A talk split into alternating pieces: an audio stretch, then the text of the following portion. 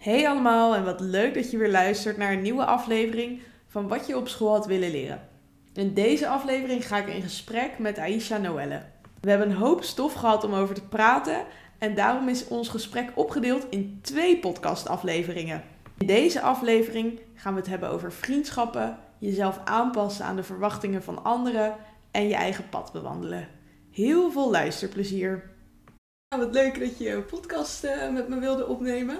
Ja. En eh, zou je het kort kunnen vertellen wie je bent en wat je doet?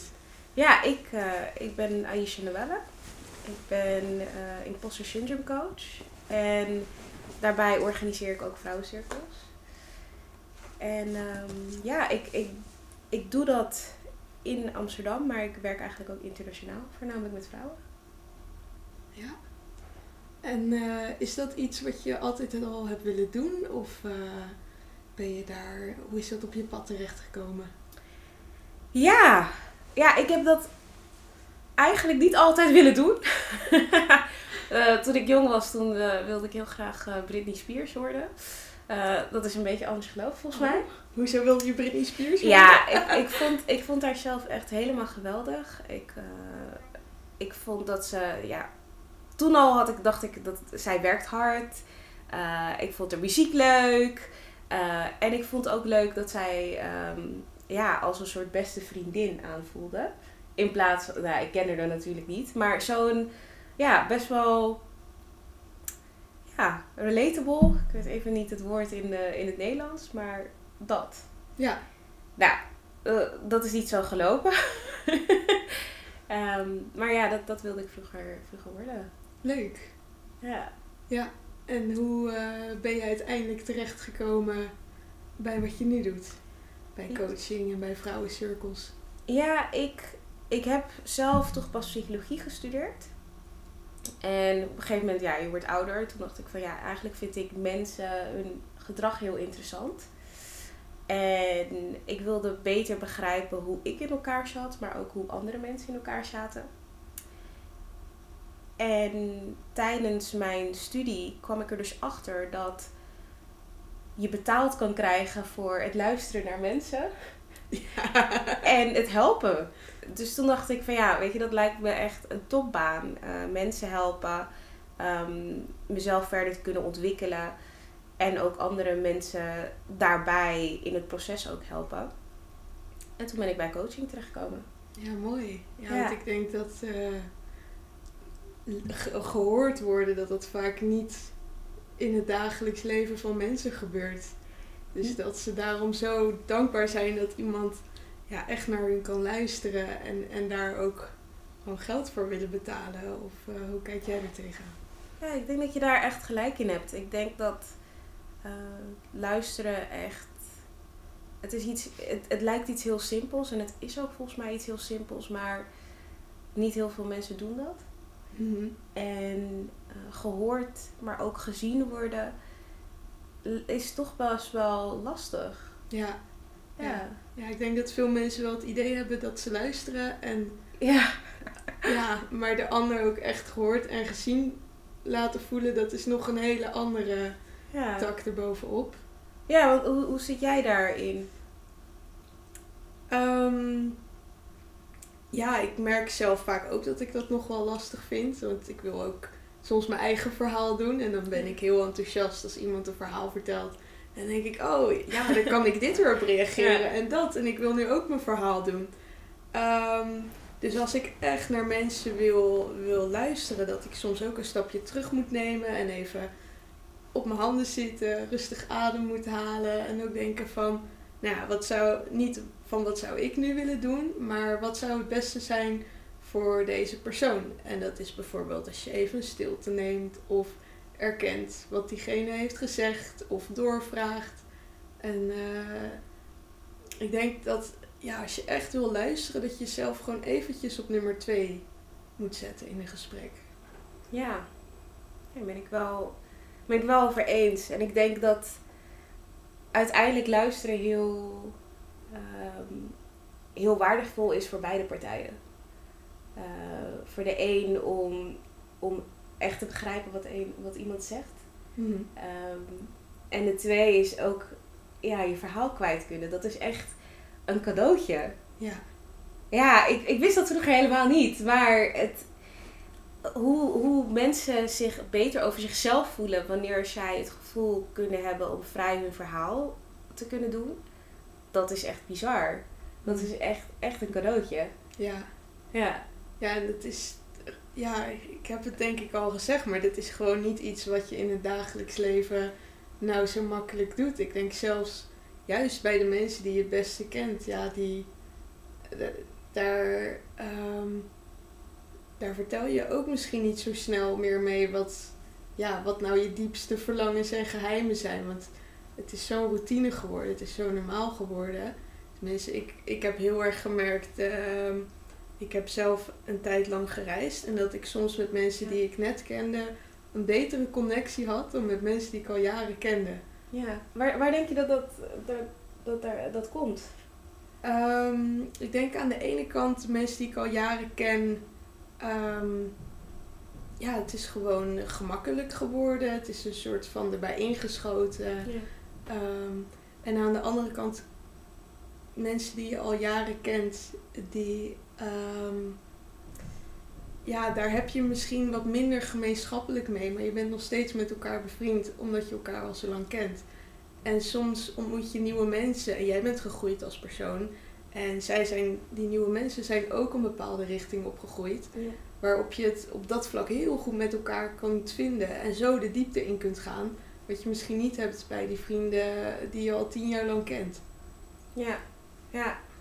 Ja, ik ben het daar wel mee eens. Ik denk eh, vooral wat je net zei over, je kent ze eigenlijk al heel lang.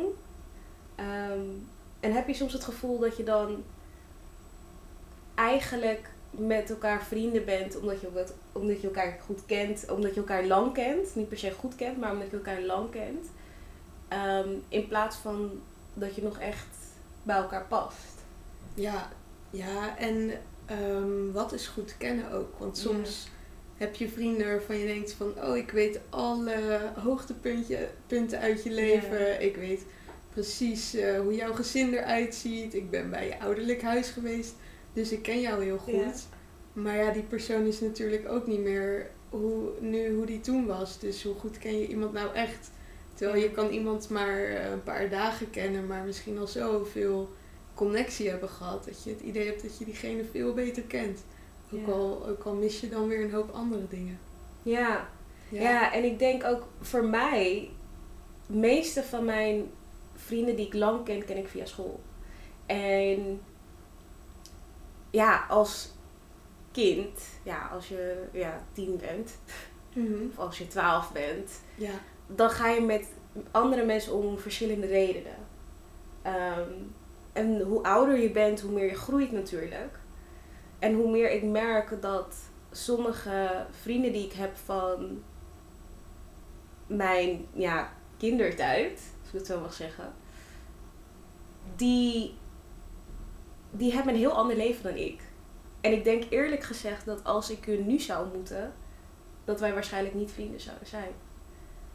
Niet omdat, ik ze, omdat ze niet leuke mensen zijn, daar niet van. Maar omdat wij gewoon hele andere ehm, doelen hebben en dingen hebben in ons leven. ehm, die, niet, die niet helemaal matchen met elkaar. Mhm. Ja, ja, daar ben ik het wel mee eens. Ik denk als je op school zit, dan worden allemaal verschillende persoonlijkheden bij elkaar Ja. eh, in een klas gestopt. En daar moet je dan maar de komende paar jaar mee doen. En je Ja. zit ook echt ja, 30 of 40 uur per week zit je met die mensen. Je moet ermee samenwerken. Ja. Het, het moeten wel je beste vrienden worden, want anders dan, eh, dan red je het ook niet. Ja.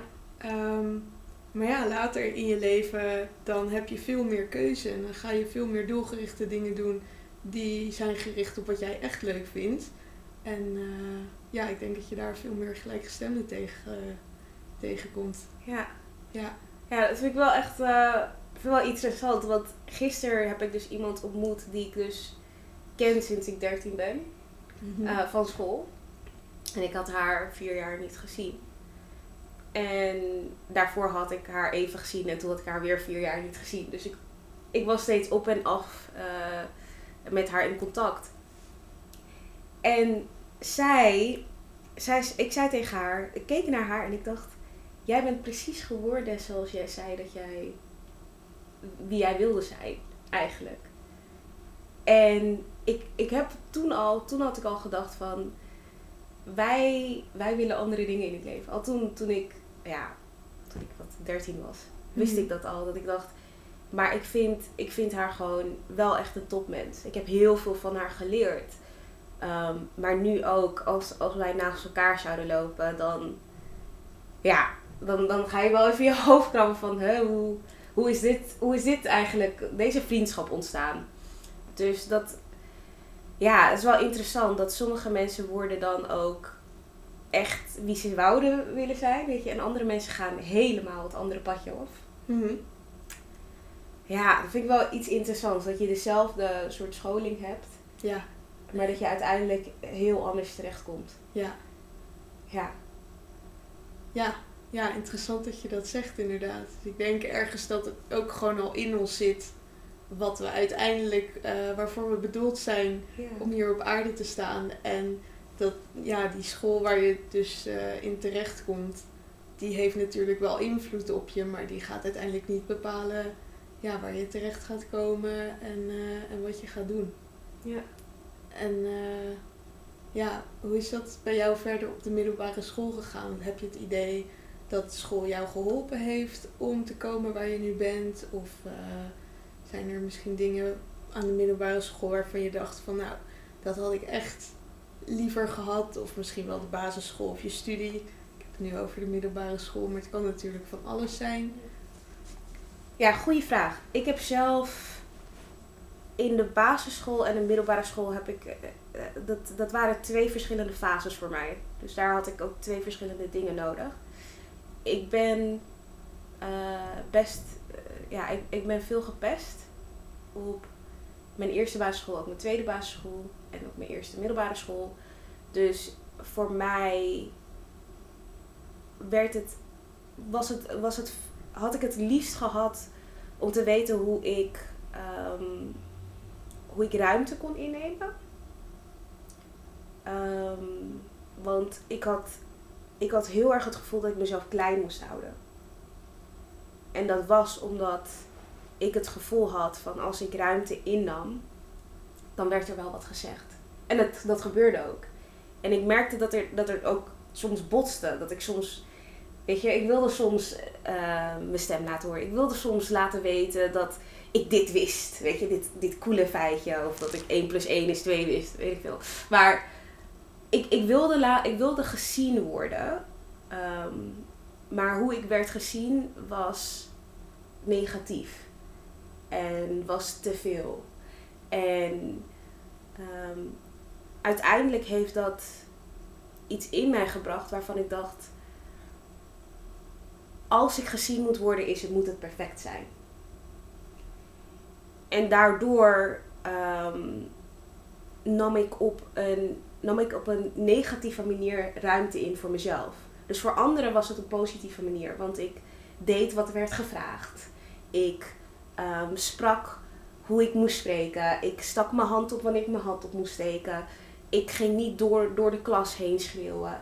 Ehm, ik was daar gewoon het, het perfecte studentje. En ik wilde niet te veel, te veel conflict. Al ging niet per se conflict uit de weg, want het kwam er gewoon. Mensen, er was iets aan mij wat mensen niet leuk vonden. Dus dat was er gewoon. Ehm, en toch, toch wilde ik meer leren omgaan van hé, hey, dat is oké als jij ruimte inneemt en niet iedereen is daar blij mee.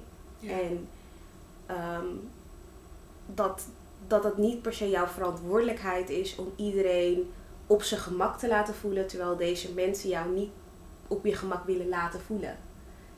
Ehm, dus voor mij ruimte innemen was, was een heel groot deel. En wat ik dus heb geleerd van school is mezelf klein houden. Is mezelf in een hokje plaatsen. Ehm, is mezelf zo, zo fijn en gewenst mogelijk te maken. Voor mensen die het eigenlijk geen reet konden schelen. Precies. Ja. En die, ja, die helemaal niks om mij gaven. Nee. Ehm, en, en daardoor ben ik voor, vooral ook veel voor mensen gaan denken. Mhm. in plaats van voor mezelf gaan denken. En ehm, ja, in psychologie noemen we het ook wel mind reading. Dat je al bepaalde assumpties, aannames neemt over mensen. Dat zij aannames hebben over jou. ja.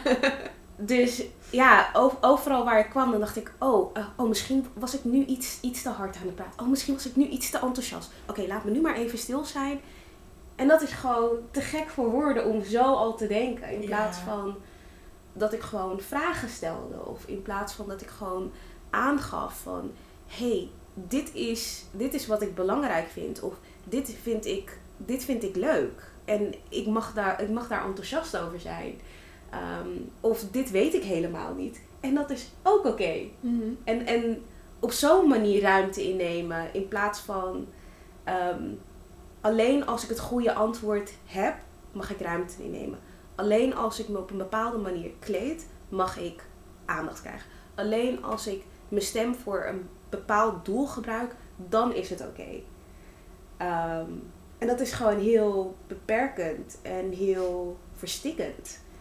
En zo, zo, heb ik, zo heb ik echt mijn schooltijd doorgebracht. Waarbij ik heel veel stil was, heel veel ingeperkt en heel erg ehm, ook eenzaam heb gevoeld. Terwijl ik het oké vond om alleen te zijn, ehm, heb ik me heel lang eenzaam gevoeld omdat ik niet volledig mezelf kon zijn en niet volledig de ruimte in kon nemen. Ja. Heel lang verhaal. Ja. maar ja, ja dat, dat heb ik dus willen leren. Ja, wauw. Ja, dankjewel voor je eerlijkheid. En, ja. Uh, ja. En is dat iets um, ja, waar je sinds school aan hebt kunnen werken en waarvan je het idee hebt van, nou, dat, uh, dat zit nu wel goed? Is dat nog. Uh... Ja, ja ik, ik denk. Ik denk dat ik nu ook besef dat ik niet iedereen. Um, ik kan niet iedereen pleasen. Mm En ik besef ook dat niet iedereen mij leuk vindt. Ja.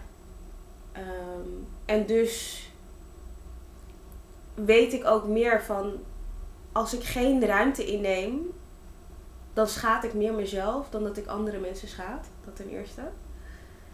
En ten tweede is het ook dat, ja, precies wat ik heb geleerd inderdaad op school, is dat als ik mijzelf daardoor klein zou houden voor mensen die niks om mij geven, wat, wat, wat, wat haal ik daaruit? Niks. Nee. Dus ja, ik, ik heb er. Ik, het, het heeft me eigenlijk vroeg. Dus misschien heb ik dit al soort van geleerd. Het heeft, het heeft me vroeg laten zien dat um, ruimte innemen cruciaal is voor mij. En um, ja, ik ben het ook steeds meer gaan doen. Ik ben ook, ja, daarom ben ik ook online begonnen. Ik vond het super oncomfortabel. Ja, echt. Klinkt herkenbaar. Heel oncomfortabel. Ik voel me heel ongemakkelijk. En ik merkte ook elke keer als ik de video aanzette dat ik dacht: Oh, ik heb zo'n irritante stem. Oh, uh, ik ben weer altijd zo positief of, of zo blij. En, uh, Terwijl dat een hele mooie eigenschap is. Klopt, klopt. Maar in mijn hoofd dacht ik van, omdat ik, ik, heb, ik heb vaak genoeg gehoord dat ik te enthousiast ben. Of te positief. Oh, ja, en, want waren dat dan opmerkingen die je bijvoorbeeld op school kreeg? Van je bent te positief, je bent te dit, je bent te dat. Ja, ja, gewoon, ik ben te, inderdaad. Ja, ja. Um, en, en dat heb ik ook echt, echt, echt heel persoonlijk opgenomen. Um, En daardoor, ja, daardoor was het ook.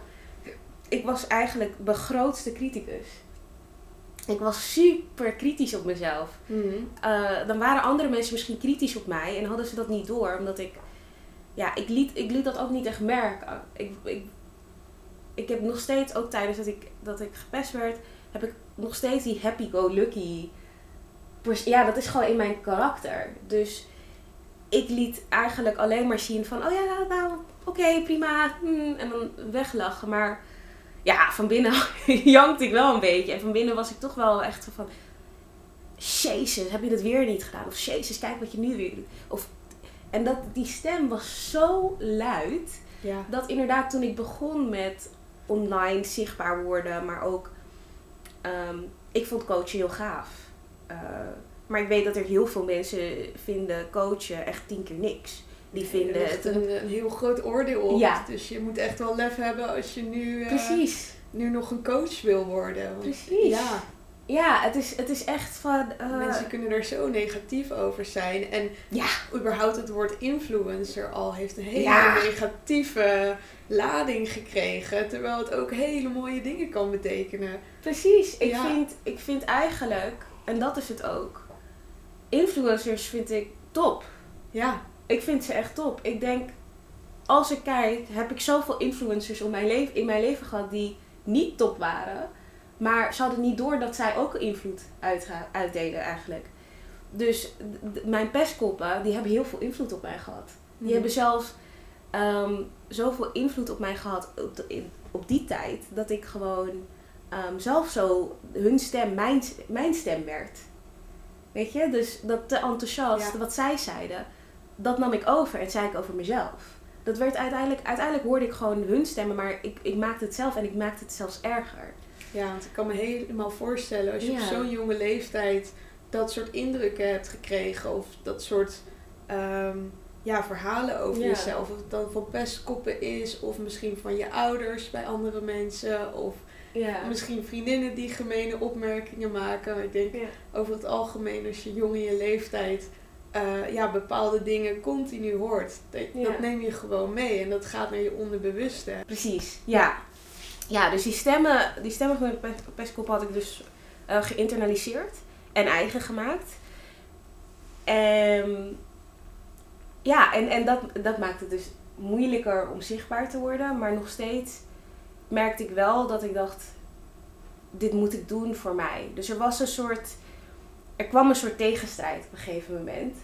En elke keer wanneer ik opkwam dagen voor mezelf, was het een soort kleine overwinning. En een kleine yes, ik doe het toch.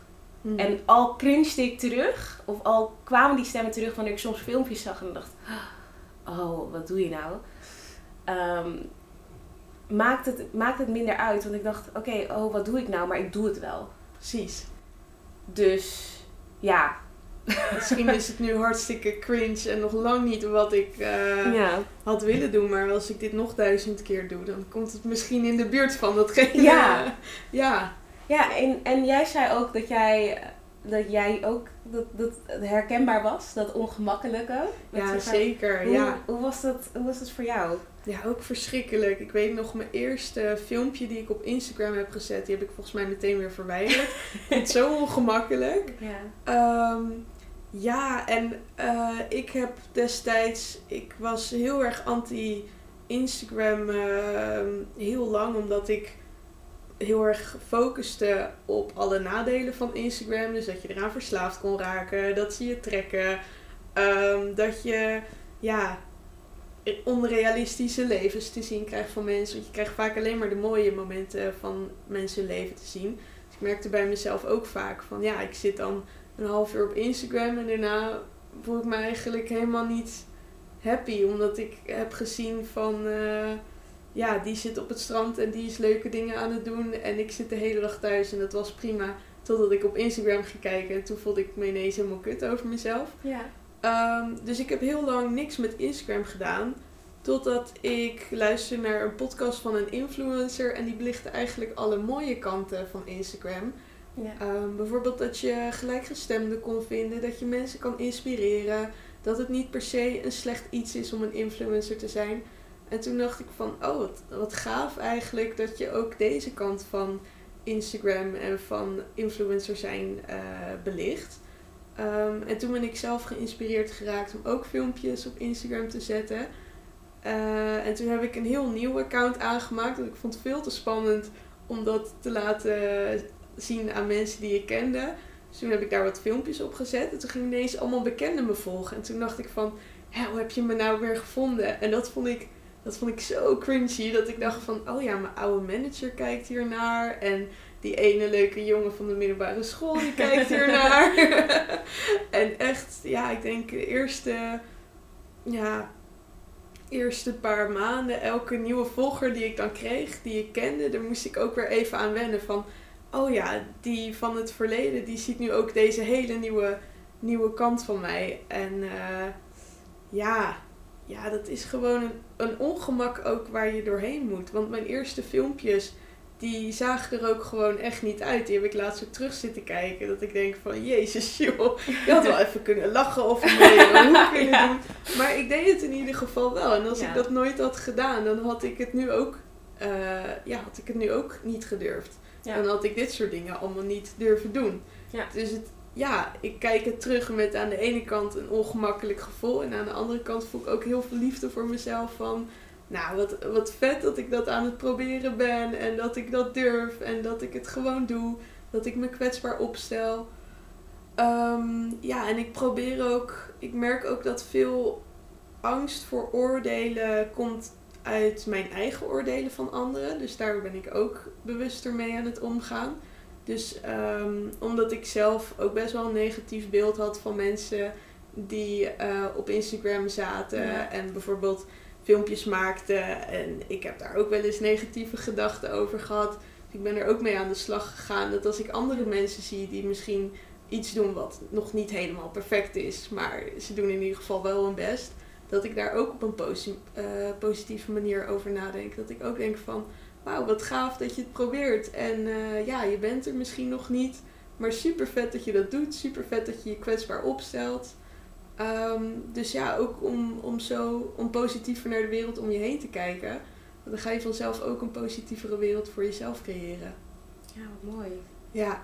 En, en ook wel heel stoer dat je dat ook toegeeft. Dat jij ja, wel oordelend eerst keek naar deze mensen, maar dat ook en dat vind ik zo mooi. Je kan altijd van mening veranderen. Ja. Weet je, en dat, dat, daar is, dat is alleen maar goed. Ja. dat is alleen maar goed. Dat we continu veranderen en dat we Precies. continu weer iets nieuws leren van onszelf en ook deze kant dan zien. Um, ben, jij, ben jij er zelf achter gekomen dat, jij, dat het vooral lag ook omdat jij eigen oordelen had? Of was het dat iemand anders jou daarop heeft gewezen? Um, daar heb ik het ook wel met mijn zus over gehad. Die is ook actief bezig op Instagram. Ehm, en die zei heel erg van ja, je moet het ook zien alsof je die mensen een cadeautje geeft. Want ze kijken wel allemaal naar jou. En ze kijken elke dag naar jou. Dus blijkbaar vinden ze het heel vet wat jij doet. Dus je kan ook. Ik zat dan door mijn stories te kijken van oh shit, die heeft het gezien en die heeft het gezien en oh nee. En ze zei van ja, maar je kan er ook naar kijken van oh, die vindt het vast heel vet wat je nou weer hebt geüpload. En die haalt er vast heel veel uit. En op een gegeven moment begon ik ook dat soort berichten te krijgen van vrienden. Van, oh, wat leuk dat je dit doet. En wat ben je lekker bezig en zo. En toen dacht ik van, oh oké, je kijkt er ook... Ik was heel erg bang dat ze ook een beetje met een spottende blik naar me keken. Van, wat is die Juliette nou weer aan het doen? Maar dat, dat was dus helemaal niet het geval. Dat, ja, dat was gewoon een verhaal wat in mijn hoofd zat. Ja. En niet klopte. Ja, en ik vind dat eigenlijk wel iets heel moois. Het is gewoon, de beste feedback is wanneer mensen van je kopen. Of mensen naar je luisteren. Of weet je, een podium geven eigenlijk aan de ene kant. Voornamelijk in dit gebied, hè. niet, niet zo, maar voornamelijk met, met, met online zichtbaarheid. Wat, wat, een, ja, wat een cadeautje en wat een compliment dat mensen blijven kijken. Precies. En um, dat je, ja, dat het, bij mij ook dat ik dat leerde, dat ik dacht, ja, als één persoon al iets heeft aan wat ik, wat ik doorgeef, mhm. dan, dan is dat top. Dan is het al een succes. Ja. Ja. Ja, en hoe, hoe heb jij daar eigenlijk, hoe ben jij daar eigenlijk met school mee omgegaan? Met feedback en uh, oordelen. Heb je dat ook meegekregen vanuit school? Um, ja, op een negatieve manier. Ik, uh, ik heb een basisschooltijd heb ik echt uh, heel leuk ervaren. Ik was met iedereen bevriend en uh, ik was altijd blij en er was niks aan de hand. En toen ging ik naar de middelbare school. En toen dacht ik van nou, dan zal het nu vast ook wel gebeuren. En dan ga ik heel veel vriendjes en vriendinnetjes maken. was niet helemaal het geval. Ik kwam in een klas terecht waar veel gepest werd, veel geroddeld veel sneaky dingen gebeurden. Ehm, ja, we hadden een groepje meisjes en we waren vriendinnen, maar ja, het voelde niet echt als vriendinnen, want één, één verkeerde actie en je lag eruit. Dus er waren ook wel eens eh, ja, mensen die dan buitengesloten werden. En ging je met die mensen om, dan werd je ook buitengesloten. Dus ik durfde dan ook niet met, met de mensen om te gaan waar ik eigenlijk mee om wilde gaan met angst om, om uit de groep te liggen. Terwijl het helemaal niet mijn echte vriendinnen waren. Ehm, ja, en zo ging het in de klas steeds maar door. Eh, ja, er was gedoe, er werd gepest.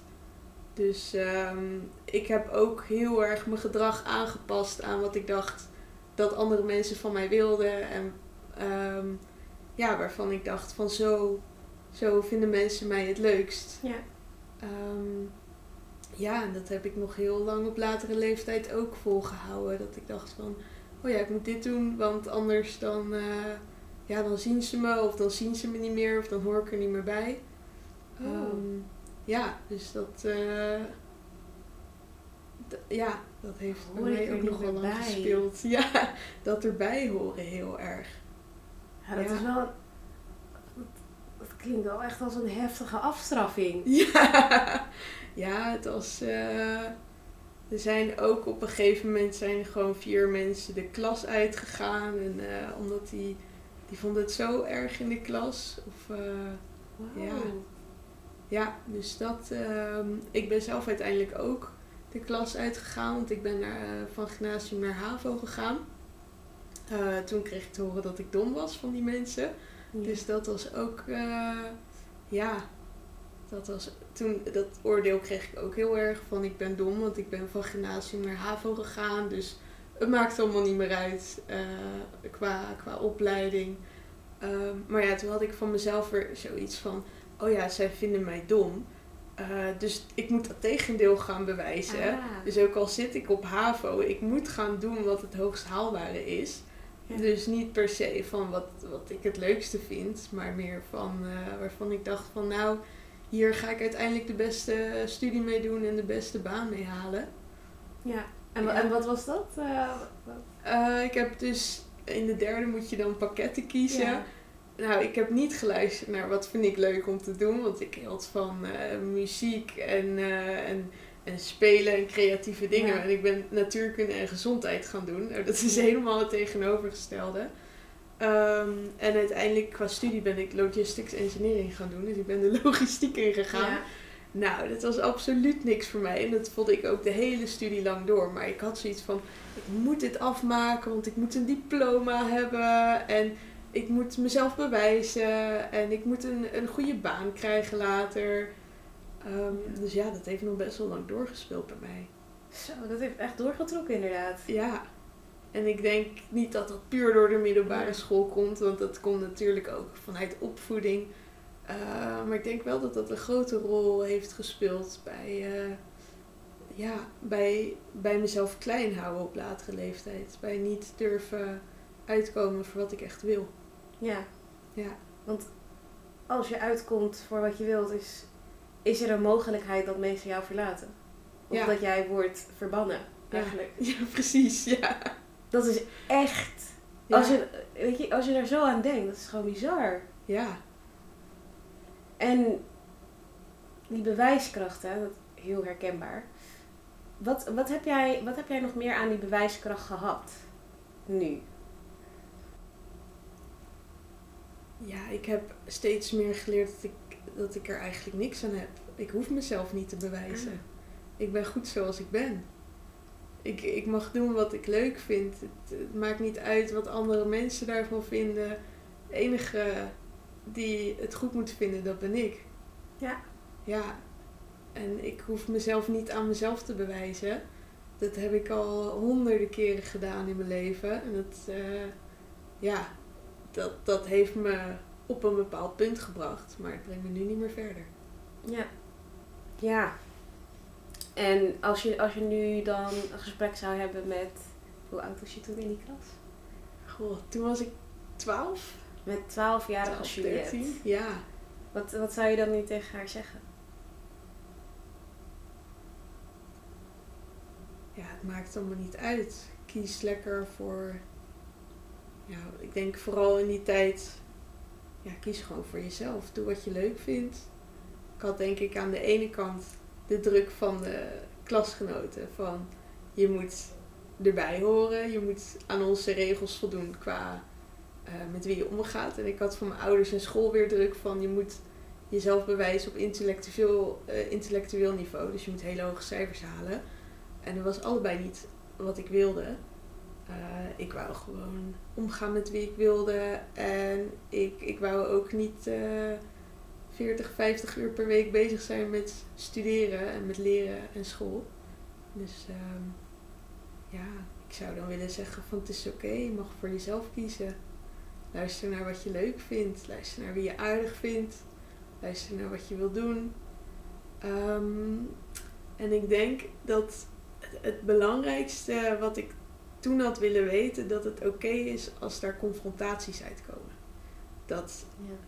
Uh, misschien een, een mooie, mooie droom is van, oh, als je voor jezelf gaat kiezen, dan komt alles wel goed. Maar dat is niet zo, want dan ga je juist heel veel weerstand krijgen van je omgeving. Want je gaat ineens niet meer voldoen aan de normen die zij voor je gesteld hebben. Ja. Dus natuurlijk is het heel veilig om uh, aan die normen te willen voldoen. Naar je ouders te luisteren, naar je vrienden te luisteren. Um, ja, en als je dat niet meer gaat doen, als je echt naar jezelf gaat luisteren en voor jezelf gaat kiezen, dan gaat er ook weerstand komen.